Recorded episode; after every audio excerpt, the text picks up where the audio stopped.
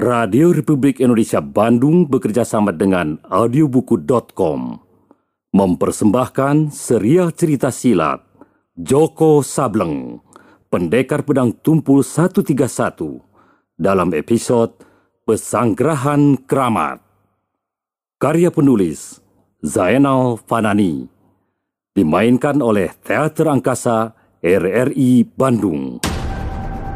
Kau boleh meninggalkan tempat ini, tapi serahkan dulu petunjuk itu. Sekali lagi kukatakan, aku tidak punya petunjuk.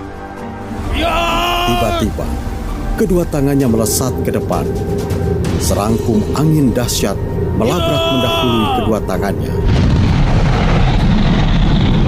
Inilah Pesanggrahan Keramat bagian pertama.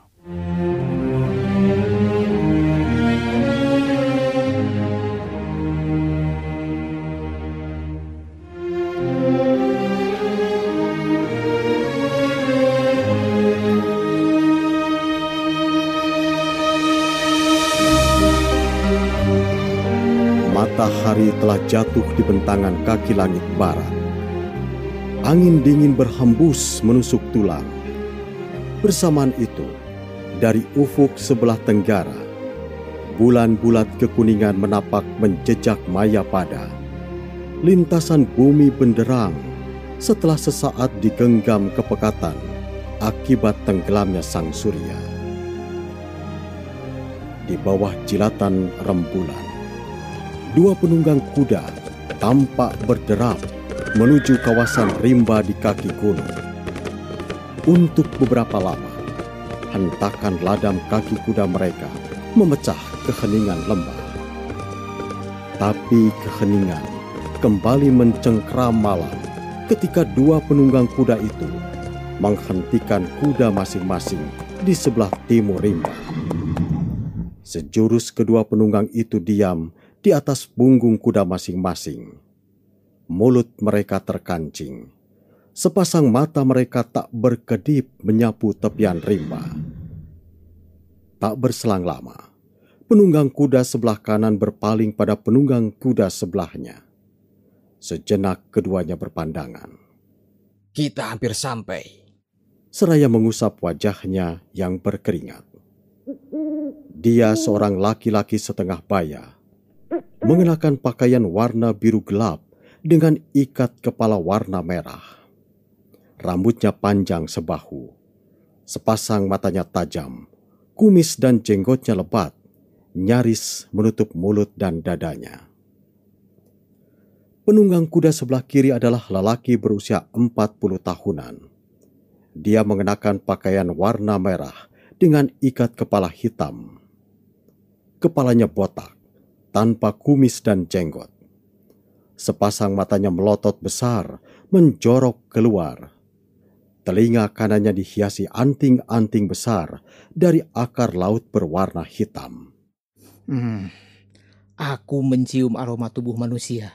Hmm, sasaran kita tak jauh dari tempat ini. Lalu menggerakkan kedua tangannya, mengusap kepalanya yang plontos.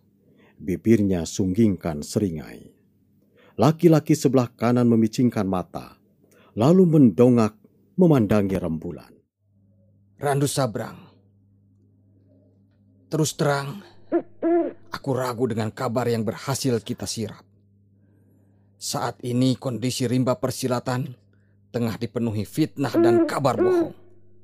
Aku khawatir kita tertipu. Dan keberadaan kita di tempat ini hanya untuk menyerahkan nyawa. Randu Sabrang berpaling. Bola matanya berputar. Bibirnya menyeringai sinis. Hmm, Uli Santang, aku menangkap ketakutan dalam ucapanmu. Jaga kata-katamu, Sabrang. Aku tak pernah gentar menghadapi siapa pun. Aku hanya khawatir kita tertipu. Yang kita cari adalah benda yang tengah menjadi perbincangan kaum rimba persilatan. Dagu Randu Sabrang terangkat. Sepasang matanya berputar liar. Dia tampak tidak suka dengan ucapan Uli Santang. Setelah sejauh ini, apakah kita akan balik jalan? Kita telah melakukan perjalanan panjang. Bahkan untuk mendapatkan keterangan Kita harus membunuh orang. Terlalu konyol kalau kita balik jalan sebelum membuktikan kebenarannya. Hmm, bagus. Kita bergerak sekarang. Kita tinggalkan kuda kita di sini agar kedatangan kita tidak terdus. Tanpa menyahut, Uli Santang meloncat turun dari kudanya.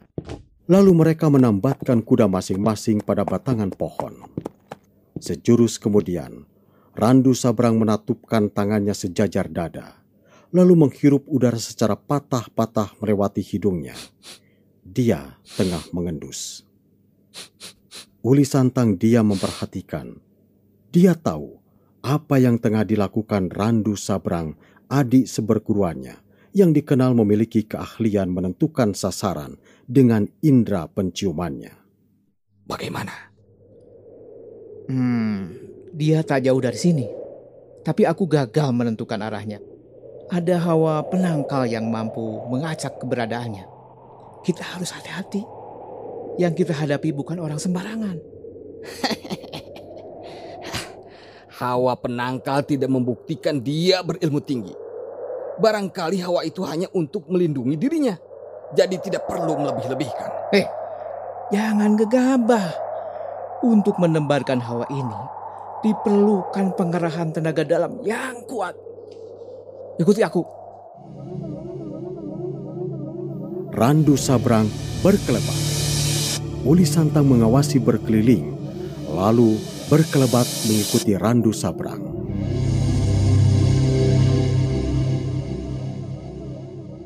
Di satu tempat yang terlindung jajaran pohon besar, Randu Sabrang menghentikan larinya, lalu merangkapkan kedua tangannya di depan dada. Mulutnya berkemik komat-kamit. Tiba-tiba, area di sekitar tempat itu diselimuti hawa sejuk. Tak berselang lama, Randu Sabrang menoleh ke arah Uli Santang yang telah berdiri di belakangnya. Bibirnya sunggingkan senyum. Uli Santang hendak buka mulut, tapi Randu Sabrang memberi isyarat agar kakak seperguruannya itu diam. Randu Sabrang menyipitkan mata, lalu mengangkat tangan kanannya dan menunjuk ke suatu arah. Uli Santang mengangguk. Dia paham isyarat adi seperguruannya. Sejenak, kemudian mereka berkelebat. Di satu tempat yang dipenuhi rangasan semak belukar, Randu Sabrang dan Uli Santang berhenti. Keduanya tampak tersentak dan buru-buru menjatuhkan diri sejajar tanah. Sosok mereka menghilang dari pandangan. Randu Sabrang dan Uli Santang menatap ke depan. Di sela-sela rangasan semak, mereka melihat sesosok tubuh duduk bersila di atas batu besar. Kedua tangannya merangkap di depan dada. Dia seorang laki-laki berambut panjang, mengenakan pakaian warna putih berupa kain yang diselempangkan di bahu kanan, mirip pakaian seorang resi.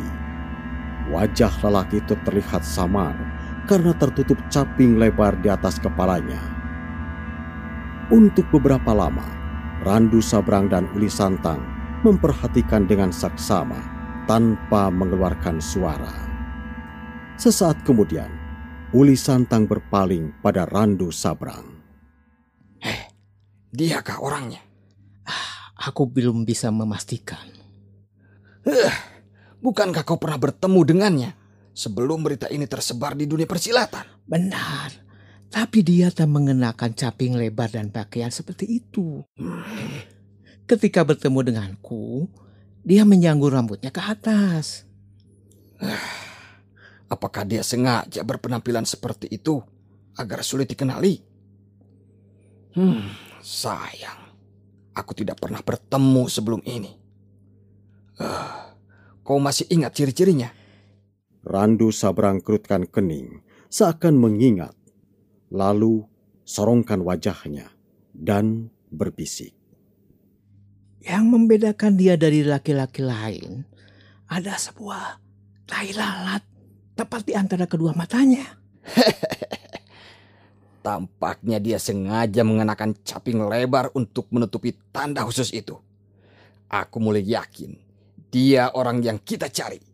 Kita buktikan Apakah dia memiliki tanda khusus itu? Uli Santang lalu memberi isyarat pada Randu Sabrang untuk keluar dari tempat persembunyiannya. Keduanya hendak bangkit, tapi gerakan mereka tertahan.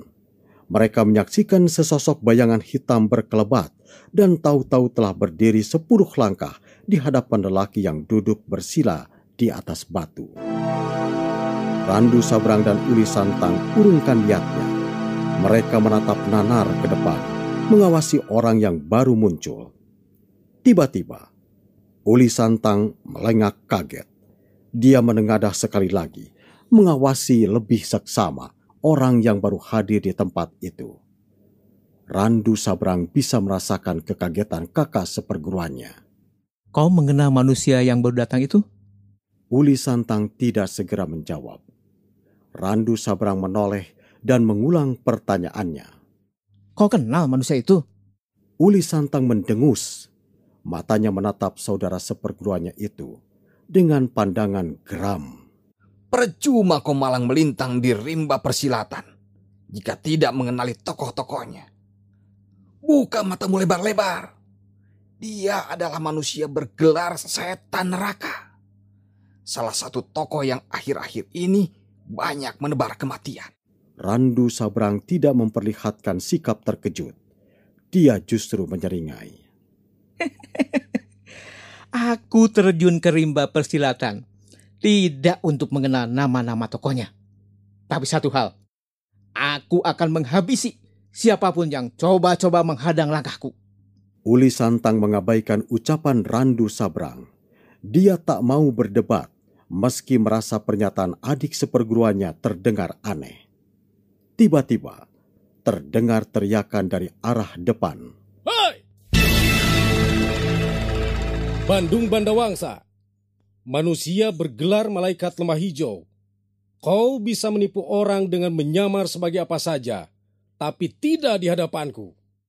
Suara itu diperdengarkan oleh orang yang baru datang, dan kini tegak mengawasi orang yang duduk di atas batu. Lelaki di atas batu itu tampak terkejut mendapati orang sudah tahu siapa dirinya. Tetapi dia segera memperdengarkan tawa pendek. Lalu tangan kanannya mengangkat ujung caping lebarnya. Caping itu bergerak ke atas, membuat sebagian wajahnya terlihat sesaat. Namun sejurus kemudian, dia membenamkan ujung capingnya. Sebagian wajahnya kembali tersembunyi. Tapi waktu yang singkat tadi sudah cukup membuatnya mengenali siapa sosok yang berdiri di hadapannya. Sosok itu adalah seorang laki-laki berusia lanjut. Dia mengenakan pakaian rombeng dan robek di sana-sini. Rambutnya putih dan jarang, nyaris memperlihatkan batok kepalanya wajahnya lonjong dan hanya dilapisi kulit tipis, hingga yang terlihat jelas adalah tonjolan tulang-tulang wajah. Sepasang matanya besar, tidak seimbang dengan hidungnya yang terlampau kecil. Dalam rimba persilatan, nama lelaki itu sudah tidak asing lagi. Dia tokoh berilmu tinggi dan dikenal mudah menurunkan tangan maut hingga digelari setan neraka.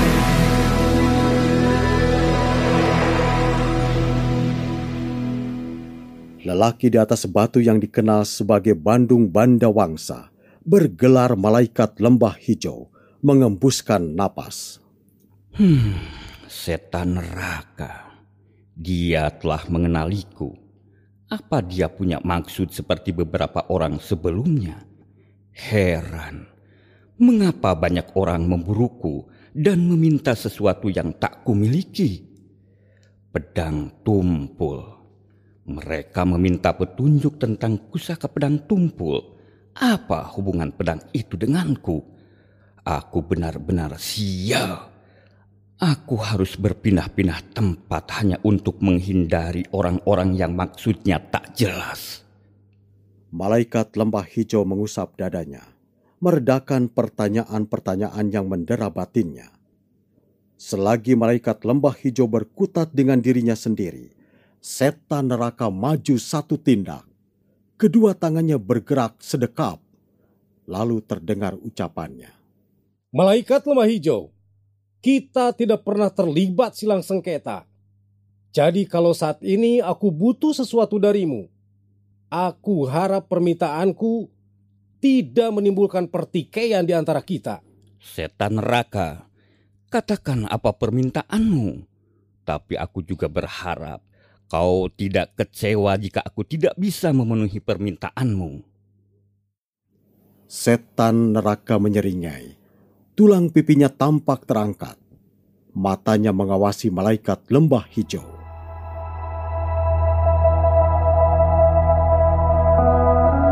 Di tempat persembunyiannya, Randu Sabrang dan Uli Santang tersenyum. Kini, tanpa bertanya, mereka tahu siapa lelaki yang duduk bersila di atas batu.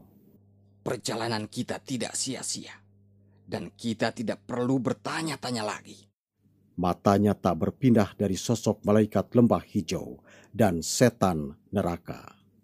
Sekarang, apa yang harus kita lakukan? Kita lihat dulu apa yang akan dilakukan setan neraka. Jika mereka bentrok, kita bisa menjajaki sampai di mana kehebatan setan neraka dan malaikat lembah hijau.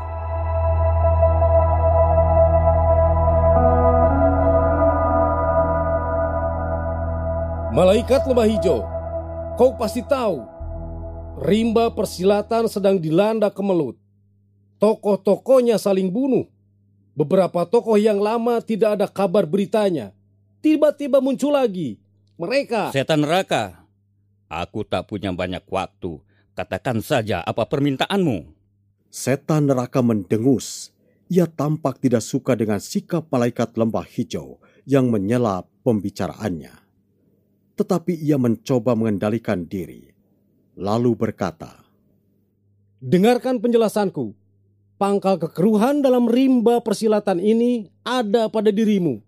walau bahunya berguncang, malaikat lembah hijau tidak terlampau kaget. Ia sudah menduga maksud kedatangan setan neraka. Jaga bicaramu. Aku tidak melakukan apa-apa. Mereka orang-orang itu yang memaksakan diri membuat masalah. Setan neraka mendongak, lalu tertawa bergelak, keras dan panjang, menyentak kesunyian rimba. Tiba-tiba, setan neraka memenggal tawanya, lantas bicara lantang.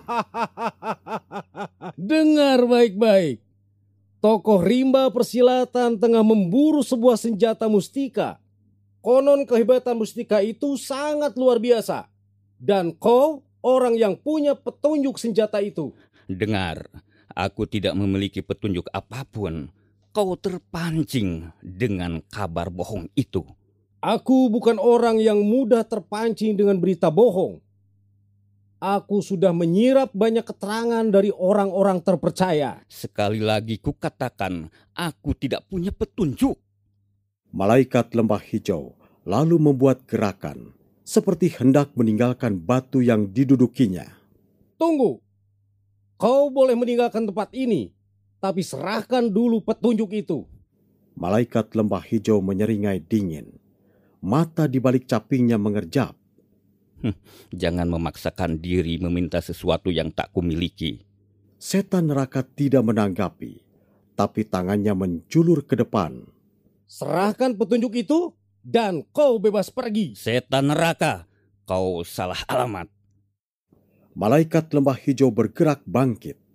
Namun sebelum tubuhnya bergeser, setan neraka melompat maju, membuat malaikat lembah hijau menghentikan gerakan. Jika kau keras kepala tak mau menyerahkan petunjuk itu, kau menciptakan silang sengketa dengan setan neraka. Dan itu nasib buruk buatmu. Nasib seseorang bukan di tangan manusia. Malaikat lembah hijau sambil diam-diam mengerahkan tenaga dalam pada kedua tangannya. Ia maklum, setan neraka dikenal ringan tangan menjatuhkan kematian. Aku meminta terakhir kali, kalau kau tetap kepala batu, aku tak segan mengambil petunjuk itu dari tubuhmu yang tak bernyawa.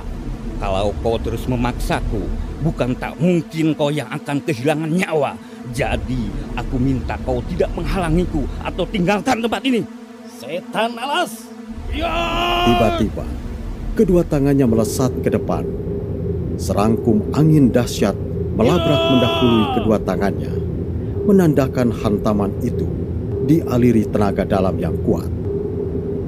Malaikat lembah hijau telah berlaku waspada. Dia segera mengangkat kedua tangannya. Saat yang sama, dia merundukkan kepala, membuat caping lebarnya makin melesak menutup wajahnya. Terdengar benturan keras ketika dua pasang tangan itu bentrok di udara. Setan neraka berseru kencang dan langsung melompat mundur. Parasnya berubah tegang, dadanya berdenyut nyeriut. Saat menunduk, dia melihat kedua tangannya merah dan bergetar. Kini dia sadar. Malaikat lembah hijau bukan tokoh sembarangan. Tak bisa dipandang sebelah mata. Ternyata kabar tentang ketinggian ilmunya bukan isapan jempol. Tak heran jika banyak orang menemui ajal di tangannya. Di atas batu, malaikat lembah hijau mengusap kedua tangannya, seraya bergumam tak jelas, seperti halnya setan neraka. Dia menahan nyeri pada dada dan kedua tangannya. Setan neraka, sebaiknya kita sudahi urusan ini. Kita hanya saling bentrok karena kabar dusta di luar sana. Malaikat lembah hijau sambil bergerak turun dari atas batu. Dia merapikan pakaiannya, lalu melangkah hendak meninggalkan tempat itu. Jangan mimpi kau bisa meninggalkan tempat ini tanpa menyerahkan apa yang kuminta. Dua gelombang angin bergemuruh dahsyat melesat ke arah malaikat lembah hijau. Bersamaan itu, suasana berubah panas. Malaikat lembah hijau buru-buru menyingkir ke samping, lalu mengembangkan kedua tangannya dan mendorongnya ke depan. Asap putih bergulung-gulung menggebrak memapak serangan setan neraka. Terdengar ledakan keras. Kawasan rimba itu layaknya dilanda gempa dahsyat. Daun-daun pepohonan luruh dan hangus. Semak belukar di sekitar dua tokoh itu tercerabut dan membumbung ke angkasa. Tanahnya muncrat menghalangi pandangan. Setan neraka mencelat beberapa tombak ke belakang. Sosoknya jatuh terduduk di antara rangasan semak yang berantakan. Darah meleleh dari sudut bibirnya. Kulit wajahnya yang legam berubah memutih pucat. Di sudut lain, malaikat lembah hijau jatuh berlutut di atas tanah. Caping yang dikenakannya hancur dan kepingannya bertaburan di udara. Malaikat lembah hijau segera bangkit dan berjalan sedikit tertatih, hendak berlalu. Dia merasa tak perlu meladeni setan neraka, tapi telinganya mendengar deruan angin. Tanpa menoleh, malaikat lembah hijau merebahkan tubuh di atas tanah. Lalu dengan gerakan kilat, dia membalik tubuh seraya menghantamkan kakinya ke belakang. Setan neraka tercekat. Sesaat tadi, dia melompat dan langsung menghantamkan tangannya. Dia tidak menyangka jika hantamannya dapat dielakkan malaikat lembah hijau. Bahkan lelaki itu mampu bergerak cepat dan mengirimkan tendangan ke arah dadanya yang terbuka. Kini, tubuh setan neraka terseret ke belakang sebelum akhirnya jatuh terhempas dengan punggung menghajar tanah. Darah meleleh dari mulut dan hidungnya. Menyaksikan lawannya roboh, malaikat lembah hijau bergerak bangkit, lalu berjalan menghampiri setan neraka. Matanya memicing memperhatikan. Hmm, kau hanya menuruti nafsu seraka. Kau tak mau berpikir panjang tentang baik dan buruk. Lalu melangkah meninggalkan setan neraka.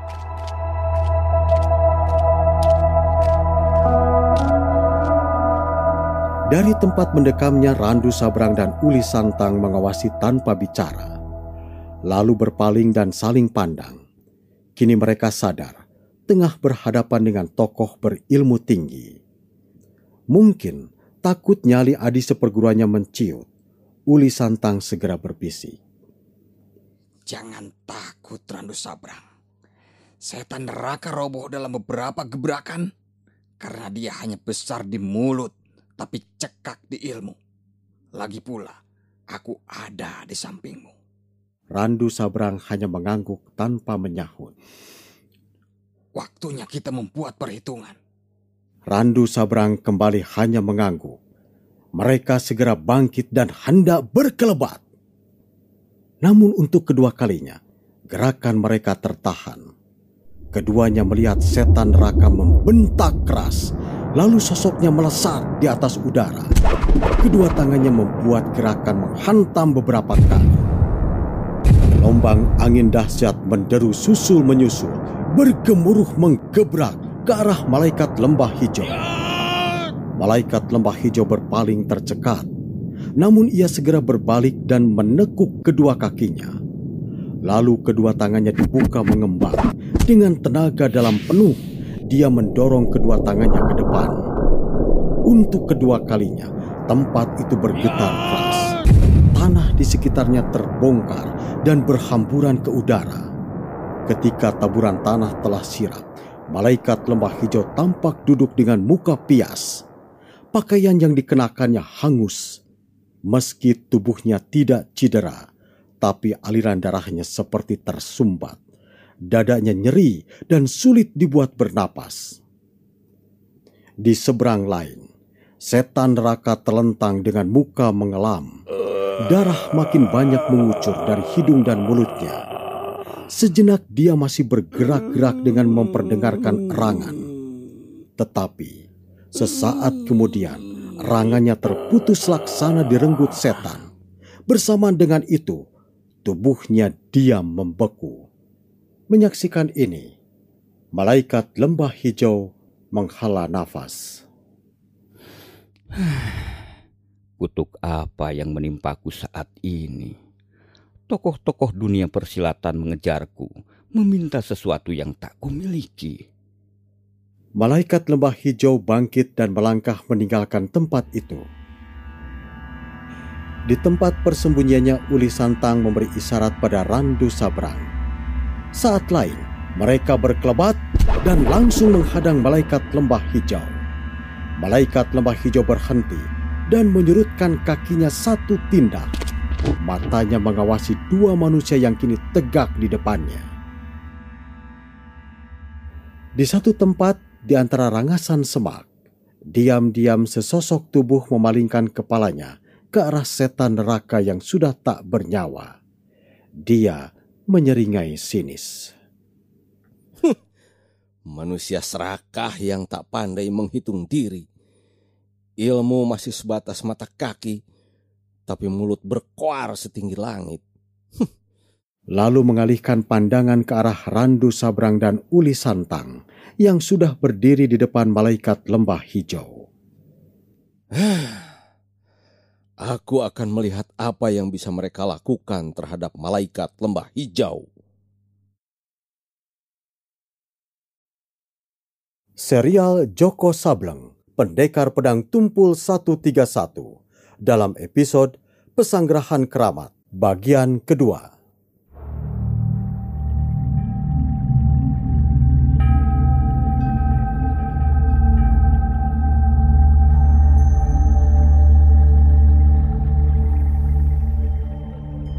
Siapa kalian? Sebenarnya, malaikat lembah hijau sudah tahu bahwa di sekitar tempat itu ada beberapa pasang mata yang mengawasi. Maka kemunculan dua orang di depannya tidak membuatnya terlalu kaget. Randu Sabrang dan Uli Santang menjawab teguran dengan tawa bergelak. Malaikat lembah hijau memperhatikan lebih seksama. Saat mengawasi Randu Sabrang, dia merasa tidak asing dengan lelaki berkepala plontos itu.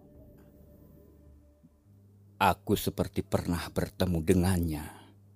Mereka pasti punya niat seperti beberapa orang sebelumnya. Sialan benar. Gara-gara berita konyol ini, hidupku tidak tenang, bahkan harus berurusan dengan nyawa manusia.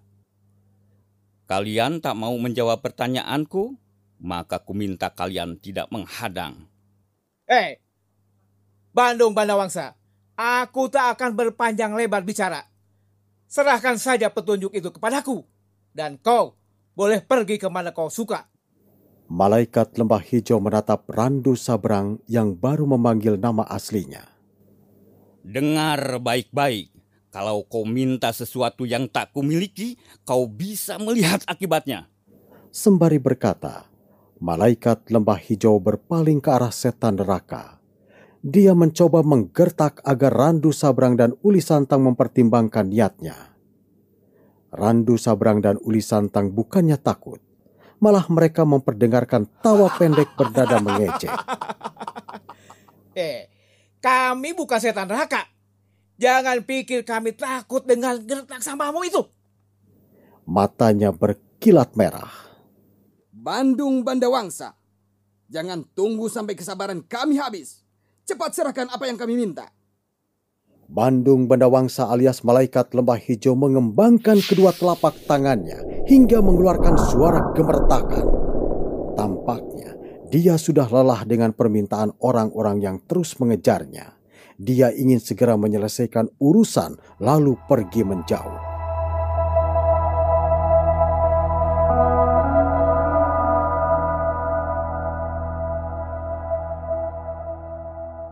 Di antara rangasan semak, sosok yang sedari tadi memperhatikan keadaan memicingkan mata ke arah Randu Sabrang dan Uli Santang. Hmm, ternyata mereka adalah muka iblis dan datuk darah. Dua bangsat yang sejak lama ingin menguasai jagat persilatan. Akhir-akhir ini mereka menghilang dari rimba persilatan. Tampaknya mereka tidak benar-benar menghilang tapi diam-diam mengejar petunjuk itu. Kini perhatiannya beralih pada malaikat lembah hijau. Sudah lama aku tak berjumpa dengan Bandung Bandawangsa. Ilmunya mengalami kemajuan pesat. Benarkah dia tidak memiliki petunjuk itu? Tapi mengapa semua tokoh rimba persilatan percaya bahwa dia memiliki petunjuk itu? Mungkinkah dia hendak memberikan petunjuk itu pada seseorang, atau dia tidak ingin pedang mustika itu dimiliki siapa pun?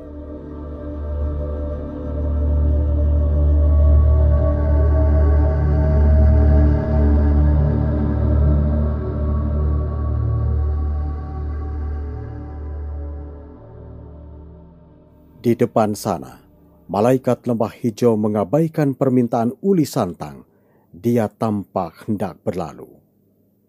Randu Sabrang hilang kesabaran. Laki-laki berkepala botak itu maju dua langkah.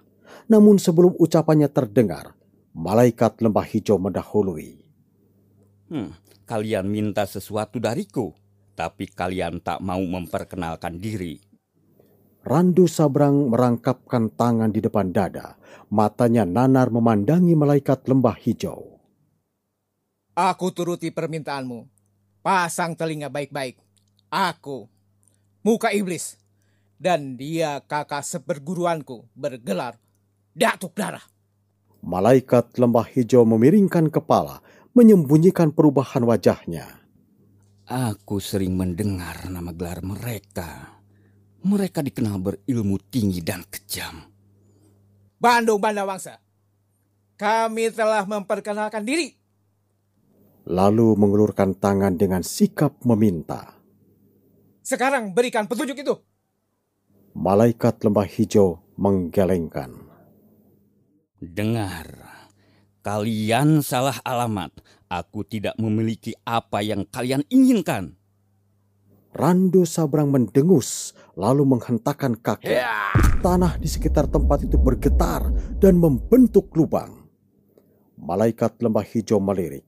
Kini dia maklum, sosok-sosok di hadapannya tidak bisa dipandang sebelah mata. Bandung Bandawangsa, kesabaran kami ada batasnya. Jangan memaksa kami mengambil petunjuk itu dari tubuhmu yang tak bernyawa. Dalam hidup, aku tidak memperturutkan nafsu, meminta sesuatu secara memaksa. Karena nafsu akan menjerumuskan Manusia telah ditetapkan bagiannya. Jangan minta lebih. Kalau kami meminta, karena kami tahu bahwa petunjuk itu bagian kami. Hmm, jangan lancang mendahului kehendak Sang Hyang Widi. Itu melangkahi kodrat manusia. Keparat! Akan kubuktikan bahwa petunjuk itu memang bagian kami. Muka iblis melompat, tangan kanannya dihantamkan, dan kaki kanannya diangkat menendang. Angin deras melesat mendahului tangan dan kaki muka iblis. Ini menandai jika muka iblis membuka serangan dengan pengerahan tenaga dalam kuat. Tampaknya lelaki berkepala botak ini sadar lawan yang dihadapinya sangat tangguh. Mendapati muka iblis telah membuka serangan, datuk darah tidak tinggal diam. Dia segera meloncat ke depan lalu pukulkan kedua tangannya ke arah kepala malaikat lembah hijau. Melihat datangnya gelombang serangan, malaikat lembah hijau mundur satu tindak ke belakang, lalu menggenjot tubuhnya ke udara.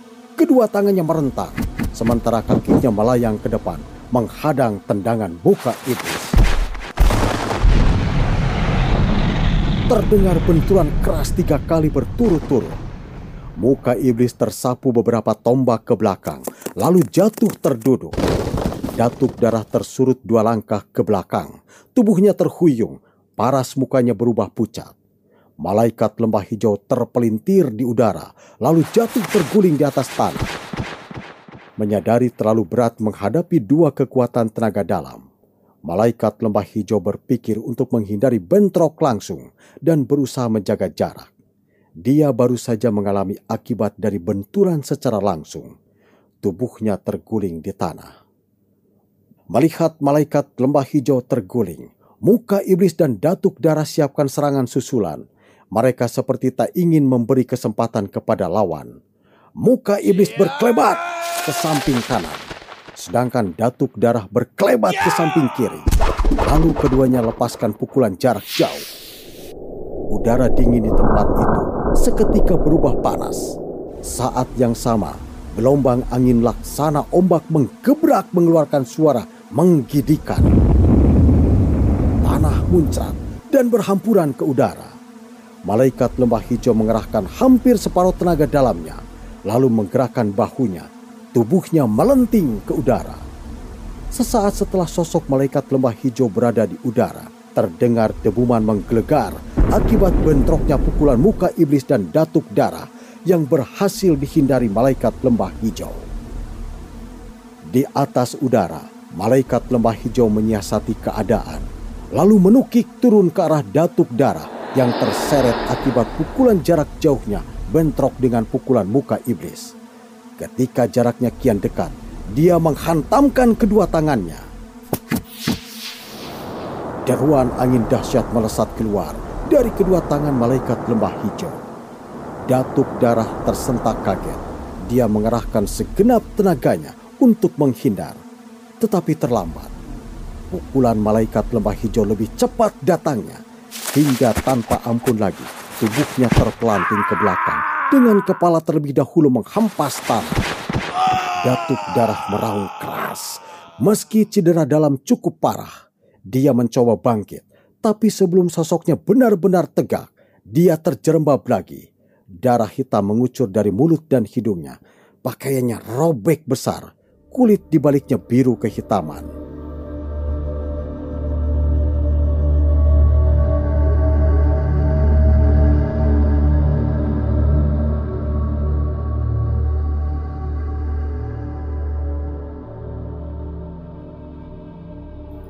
Di tempat tersembunyi, Sosok yang sedari tadi mengawasi bergumam sendiri. Dasar bodoh. Kenapa melakukan serangan dari samping? Sekarang mereka menerima akibatnya. Di seberang datuk darah, muka iblis jatuh terlentang. Dia sedikit beruntung, tapi ketika bangkit dan melihat keadaan datuk darah, dia memperdengarkan desisan keras. Wajahnya membatu. Bandung Bandawangsa, kau telah mencederai saudaraku. Nyawamu adalah imbalan yang pantas. lalu hantamkan kedua tangannya ke arah malaikat lembah hijau. Malaikat lembah hijau tak tinggal diam. Saat gelombang angin serangan melesat dari kedua tangan lawan, dia berkelebat. Gerakannya nyaris tak dapat diikuti mata telanjang. Muka iblis ternganga hampir tak percaya. Pukulannya menghajar tempat kosong. Dia kian tercekat tatkala tidak menangkap keberadaan malaikat lembah hijau. Selagi muka iblis mencari-cari, dia dikejutkan suara langkah dari arah belakang. Sigap, muka iblis memutar tubuh. Tapi belum sampai setengah putaran, dua tangan menyergapnya. Muka iblis meraung keras ketika kedua tangan itu menjepit lehernya. Dia mengeluarkan bentakan beberapa kali dengan menghantamkan tangannya ke arah tangan yang menjepit lehernya. Namun gerakannya terlambat. Kedua tangan yang menjepit itu bergerak memutar, lalu mengangkat dan menyentak ke bawah. Tubuh muka iblis berputar, lalu terangkat ke udara sebelum akhirnya jatuh terbanting. Sejenak muka iblis menggeliat, namun sesaat kemudian telentang, tak bergerak-gerak lagi. Lehernya patah dan mulutnya berdarah. Malaikat lembah hijau menghela napas panjang. Matanya memandangi muka iblis yang sudah tak bernyawa lagi. Aku terpaksa melakukan ini.